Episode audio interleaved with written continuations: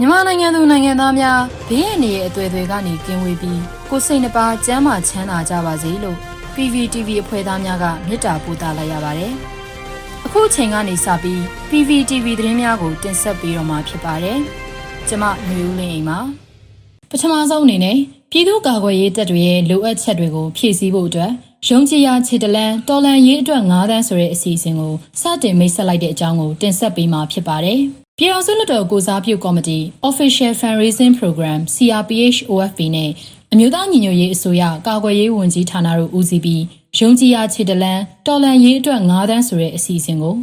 ဩဂုတ်လ12ရက်ဒီနေ့ကနေစတင်ပြီးလှုပ်ဆောင်သွားမယ်လို့ကြေညာခဲ့ပါတယ်။ American Dollar စုစုပေါင်း9သန်းပမာဏရှိတဲ့ Raffle Ticket တွေကိုအလွန်ငွေကောက်ခံရောင်းချသွားမယ်လို့သိရပါတယ်။ အဲ့ဒီပမာဏကိုဩဂုတ်လအတွင်းပြည့်မီအောင်ရည်မှန်းချက်ထားပြီးကမ္ဘာအနှံ့မှာရှိနေတဲ့ CRPH OFP Fundraiser ကတဆင့်အလွန်ငွေတွေကောက်ခံသွားမှာဖြစ်ပြီးဒီအစီအစဉ်မှာပါဝင်လှူဒန်းကြတဲ့ပြည်သူတွေကိုလည်းကျေးဇူးတုံ့ပြန်တဲ့အနေနဲ့ Raffle Ticket တွေကိုမဲနိုင်ပြီးတော်လန်ရေးအမှတ်တရပစ္စည်းတွေကိုမဲဖောက်ပေးသွားမယ်လို့သိရပါတယ်။ ဒီကမ်ပိန်းကရတဲ့ဒေါ်လာ9တန်းကိုပြည်သူ့ကာကွယ်ရေးတပ် PDF တွေရဲ့အဓိကလိုအပ်ချက်တွေဖြစ်တဲ့စားဝတ်နေရေးနဲ့ပစ္စည်းကိရိယာဝယ်ယူရေးတွေမှာအသုံးပြုဖို့အတွက်ပြန်လည်ခွဲဝေပေးသွားမယ်လို့သိရပါတယ်။ဒီအစီအစဉ်မှာပါဝင်နိုင်မှုအတွက် Official Fundraiser Network ကအလူခံအဖွဲ့အစည်းတွေထံမှာကိုလူရန်လူရဲ့ငွေပမာဏနဲ့အတူကိုယ့်ရဲ့အမည်နဲ့ဆက်သွယ်ရန်ဖုန်းနံပါတ်ဒါမှမဟုတ်အီးမေးလ်လိပ်စာကိုစာရင်းပေးသွင်းပြီး refer ticket နံပါတ်ကိုရယူပါဝင်လှူဒါန်းရမှာဖြစ်ပါတယ်။ အလူရှင်တွေစိတ်ချယုံကြည်စွာပါဝင်လှူဒါန်းနိုင်မှုအတွက်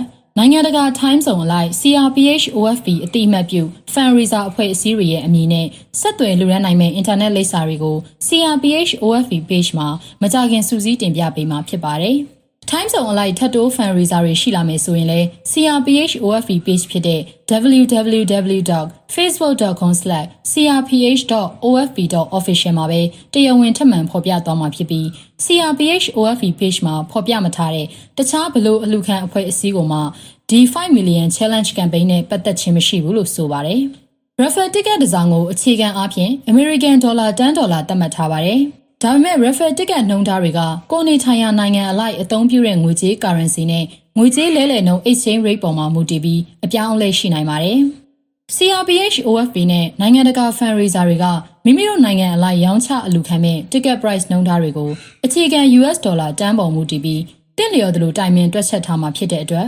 နဲရများတဲ့သဘောမထားပဲတတ်မှတ်နှုံထားအတိုင်းကိုနဲ့နီးစပ်ရာ CRPH OFP အတိမတ်ပြု fundraiser တွေထံမှစိတ်ချယုံကြည်စွာမင်းမြန်းဝယ်ယူလှူဒါန်းနိုင်တယ်လို့သိရပါတယ်။ Raffle ticket ဝယ်ယူတာကိုတအူးကိုဘလောက်နှုံးဆိုပြီးသတ်မှတ်ထားတာမရှိပဲကိုလူရန်ကျင်တဲ့ပမာဏနဲ့ကိုက်ညီတဲ့ Raffle ticket အရေးအတွက်ကိုတက်ဆိုင်ရာ fundraiser ကထုတ်ပေးသွားမှာပါ။အလူရှင်တိုင်းအတွက်အလူရန်ခဲ့တာနဲ့ညီမျှတဲ့ Raffle ticket နံပါတ်တွေကိုပေးအပ်သွားမှာဖြစ်တယ်လို့ကိုလူရန်ခဲ့တဲ့ fundraiser တွေစီမှာ email address စာရင်းပေးသွင်းတဲ့အလူရှင်တွေကို CRPH OFP ကမြန်မာနိုင်ငံအတွက်တဒက်တအားပါဝင်လှူဒါန်းမှုကိုအတိအမှတ်ပြုတဲ့ကျေးဇူးတင်လွှာကို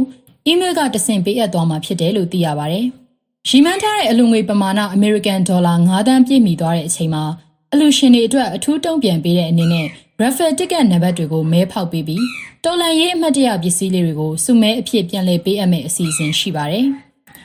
ဒါကြောင့်တစ်ကတ်နံပါတ်တွေကိုဘယ်သူနဲ့မှမမျှဝေပဲတေချာစွာတင်ဆက်ထားပေးဖို့မြစ်တာရက်ခံထားပါတယ်။မဲဖောက်ပေးတဲ့အစီအစဉ်အသေးစိတ်ကို CRPH OFV page မှာဩဂုတ်လနောက်ဆုံးပတ်အတွင်းထပ်မံကြေညာပေးသွားမယ်လို့ဆိုပါတယ်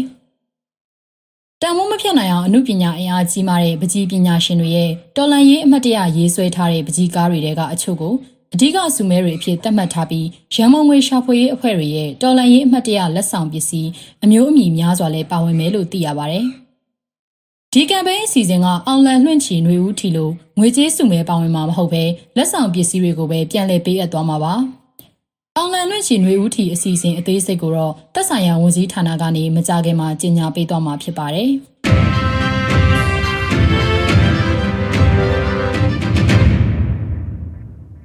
စီရီယံဝန်ထမ်းတွေကိုဖိနှိပ်နေတဲ့အကြမ်းဖက်စစ်ကောင်စီထောက်ခံသူအရာရှိတွေရဲ့အမည်ပြစီရင်ထုတ်ပြန်လိုက်တဲ့အကြောင်းကိုဆက်လက်တင်ဆက်ပေးပါမယ်။ အမျိုးသားညီညွတ်ရေးအစိုးရလျှက်စစ်နဲ့စွမ်းရည်ဝန်ကြီးဌာနအနေနဲ့စီဒီအမ်ဝန်ထမ်းတွေကိုဖိနှိပ်နေတဲ့အကြမ်းဖက်စစ်ကောင်စီထောက်ခံသူအရာရှိ၁၁ဦးကိုအမည်ပြစီရင်သွင်းကြောင်းဩဂုတ်လ17ရက်ရက်စွဲနဲ့ထုတ်ပြန်ကြေညာခဲ့တာပါအဆိုပါကြေညာချက်မှာစွမ်းအင်ကဏ္ဍတွင်ရေနံထွက်ပစ္စည်းကြီးကြပ်ရေးဦးစီးဌာနရေနံနဲ့တဘာဝတံငွေစီမံရေးဦးစီးဌာနတို့က CDM ဝန်ထမ်းတွေကိုဖိနှိပ်ခြင်းချင်းချောက်ခြင်းယာရုမှထုတ်ပယ်ခြင်းဝန်ထမ်းအဖြစ်မှထုတ်ပယ်ခြင်း ဝန်ထမ်းအိမ်ယာများမှနှင်ထုတ်ခြင်းနဲ့ပြည်သူ့အစိုးရကပြန်ဆက်ရန်မလိုလို့ထုတ်ပြန်ထားတဲ့နှစ်လစာချင်းငွေပြန်လည်တောင်းခံခြင်းစတာတွေကိုကျူးလွန်နေတဲ့အကြမ်းဖက်စစ်ကောင်စီလက်အောက်ခံအရာရှိ12ဦးကိုအမြင့်ပြည့်စည်ရင်သွင်းပြီးနိုင်ငံဝန်ထမ်းအဖြစ်ကနေထုတ်ပယ်လိုက်ကြောင်းဖော်ပြထားတာကိုတွေ့ရပါတယ်။ထုတ်ပယ်ခံရတဲ့ဝန်ထမ်းတွေကတော့ရေနံနဲ့တဘာဝတငွေဦးစီးဌာနကညွှန်ကြားရေးမှူးအထွေထွေစီမံရေးဌာနခွဲဦးအောင်ကျော်လင်းနဲ့ညွှန်ကြားရေးမှူးစီးပွားရေးနဲ့စီမံခန့်ခွဲရေးဌာနခွဲဦးတင်စောမြင့်တို့ဖြစ်ပါတယ်။ ဒါ့အပြင်ရေနံတွက်ပစ္စည်းကြီးကြပ်စစ်ဆေးရေးဦးစီးဌာနလက်အောက်ကအမည်ပြစင်းထည့်သွင်းခံရသူတွေကတော့ဒုတိယစစ်ဆေးရေးအရာရှိချုပ်အထက်မြန်မာပြည်ဦးလာရောညွှန်ကြားရေးမှူးအထွေထွေစီမံခန့်ခွဲရေးဌာနနေပြည်တော်ဒေါ်စိန်စိန်ဆင့်ညွှန်ကြားရေးမှူးဗန္နာရေးဌာနနေပြည်တော်ဒေါ်တင်းတင်းနေညွှန်ကြားရေးမှူးတိုင်းဒေသကြီးကြီးကြပ်စစ်ဆေးရေးအရာရှိရုံမန္တလေးဦးမြင့်စောညွှန်ကြားရေးမှူးတိုင်းဒေသကြီးကြီးကြပ်စစ်ဆေးရေးအရာရှိရုံပဲခူးဦးတန်းထွန်းဦး ဒုညွှန်ကြားရေးမှူးတိုင်းဒေသကြီးကြီးကြပ်စစ်ဆေးရေးအရာရှိရုံမကွေးလက်ထောက်ညွှန်ကြားရေးမှူးတိုင်းဒေသကြီးကြီးကြပ်စစ်ဆေးရေးအရာရှိရုံမန္တလေးဒေါ်ထိုက်ထိုက်တွေလက်ထောက်ညွှန်ကြားရေးမှူးတိုင်းဒေသကြီးကြီးကြပ်စစ်ဆေးရေးအရာရှိရုံမကွေးဦးလိုင်ပွားလက်ထောက်ညွှန်ကြားရေးမှူးတိုင်းဒေသကြီးကြီးကြပ်စစ်ဆေးရေးအရာရှိရုံမကွေးဒေါ်တစ်တစ်ကျော်နဲ့လက်ထောက်ညွှန်ကြားရေးမှူးတိုင်းဒေသကြီးကြီးကြပ်စစ်ဆေးရေးအရာရှိရုံပဲခူးဒေါ်အေးမြင့်ခိုင်တို့ဖြစ်ကြပါတယ်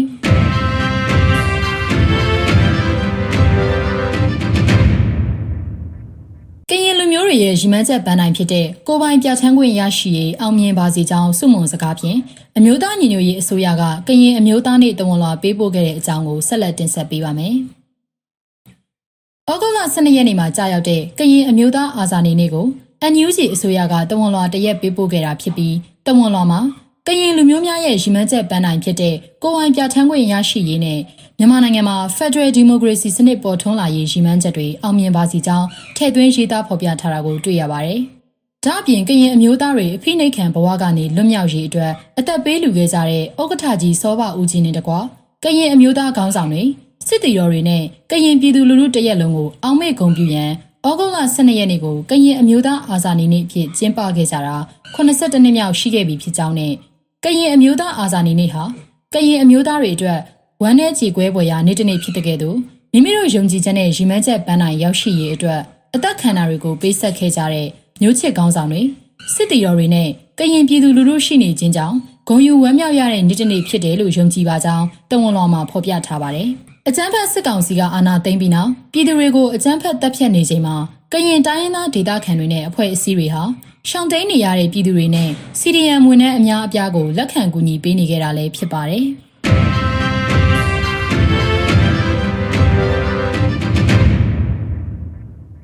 နောက်ဆုံးအနေနဲ့မြန်မာပြည်သူတွေကိုကူညီဖို့လိုအပ်တဲ့ရန်မုံငွေဒေါ်လာ86တန်းရရှိရေးကြိုးပမ်းနေတယ်လို့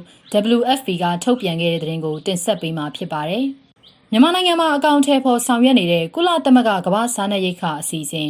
WFP ရဲ့အသက်ကယ်ဆယ်ရေးလုပ်ငန်းတွေကိုဆက်လက်လုပ်ကိုင်နိုင်ဖို့ယခုလမှစပြီးလာမယ့်2022ခုနှစ်ဇန်နဝါရီလအထိဂျားကာလာအရေးပေါ်ရန်ပုံငွေလိုအပ်ချက် အမေရိကန်ဒေါ်လာ86တန်းရရှိဖို့ကြိုးပမ်းလျက်ရှိတယ်လို့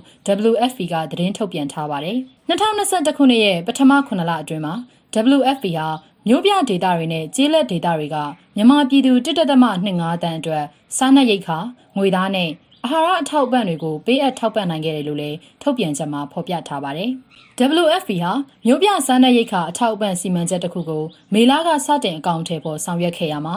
ယနေ့အချိန်မှာရန်ကုန်တိုင်းဒေသကြီးလှိုင်းသာယာနဲ့ဒဂုံစိတ်ကမ်းမြို့နယ်တွေကထိခိုက်လွယ်သူလူဦးရေပေါင်း6သိန်း5000ထိဓာတ်ရိုက်ကူညီပံ့ပိုးပေးနိုင်ခဲ့ပြီဖြစ်တယ်လို့သိရပါတယ်။ဒီလိုကူညီပံ့ပိုးပေးတဲ့အခါမိခင်တွေကလေးငယ်တွေမတန်ဆွမ်းသူတွေနဲ့တက်ကြီးရွယ်အိုတွေအများစုပါဝင်တယ်လို့ဆိုပါတယ်။ ဒါအပြင်မကြသေးခင်ကနိုင်ငံအနှံ့အပြားမှာဖြစ်ပွားခဲ့တဲ့အခြေအနေမငြိမ်သက်မှုတွေကြောင့်နေရက်စွန့်ခွာရွှေ့ပြောင်းခဲ့ရသူ18500ဦးကိုလည်းထောက်ပံ့ကူညီနိုင်တယ်လို့ထုတ်ပြန်ထားပါတယ်။နေရက်စွန့်ခွာရွှေ့ပြောင်းခဲ့ရသူတွေကိုယခုဩဂုတ်လအတွင်းမှာတိုးချဲ့ကူညီသွားဖို့ဆောင်ရွက်နေတယ်လို့လည်းဆိုပါတယ်။ရေတော်ဘုံအောင်ရမည်ရေတော်ဘုံအောင်ရမည်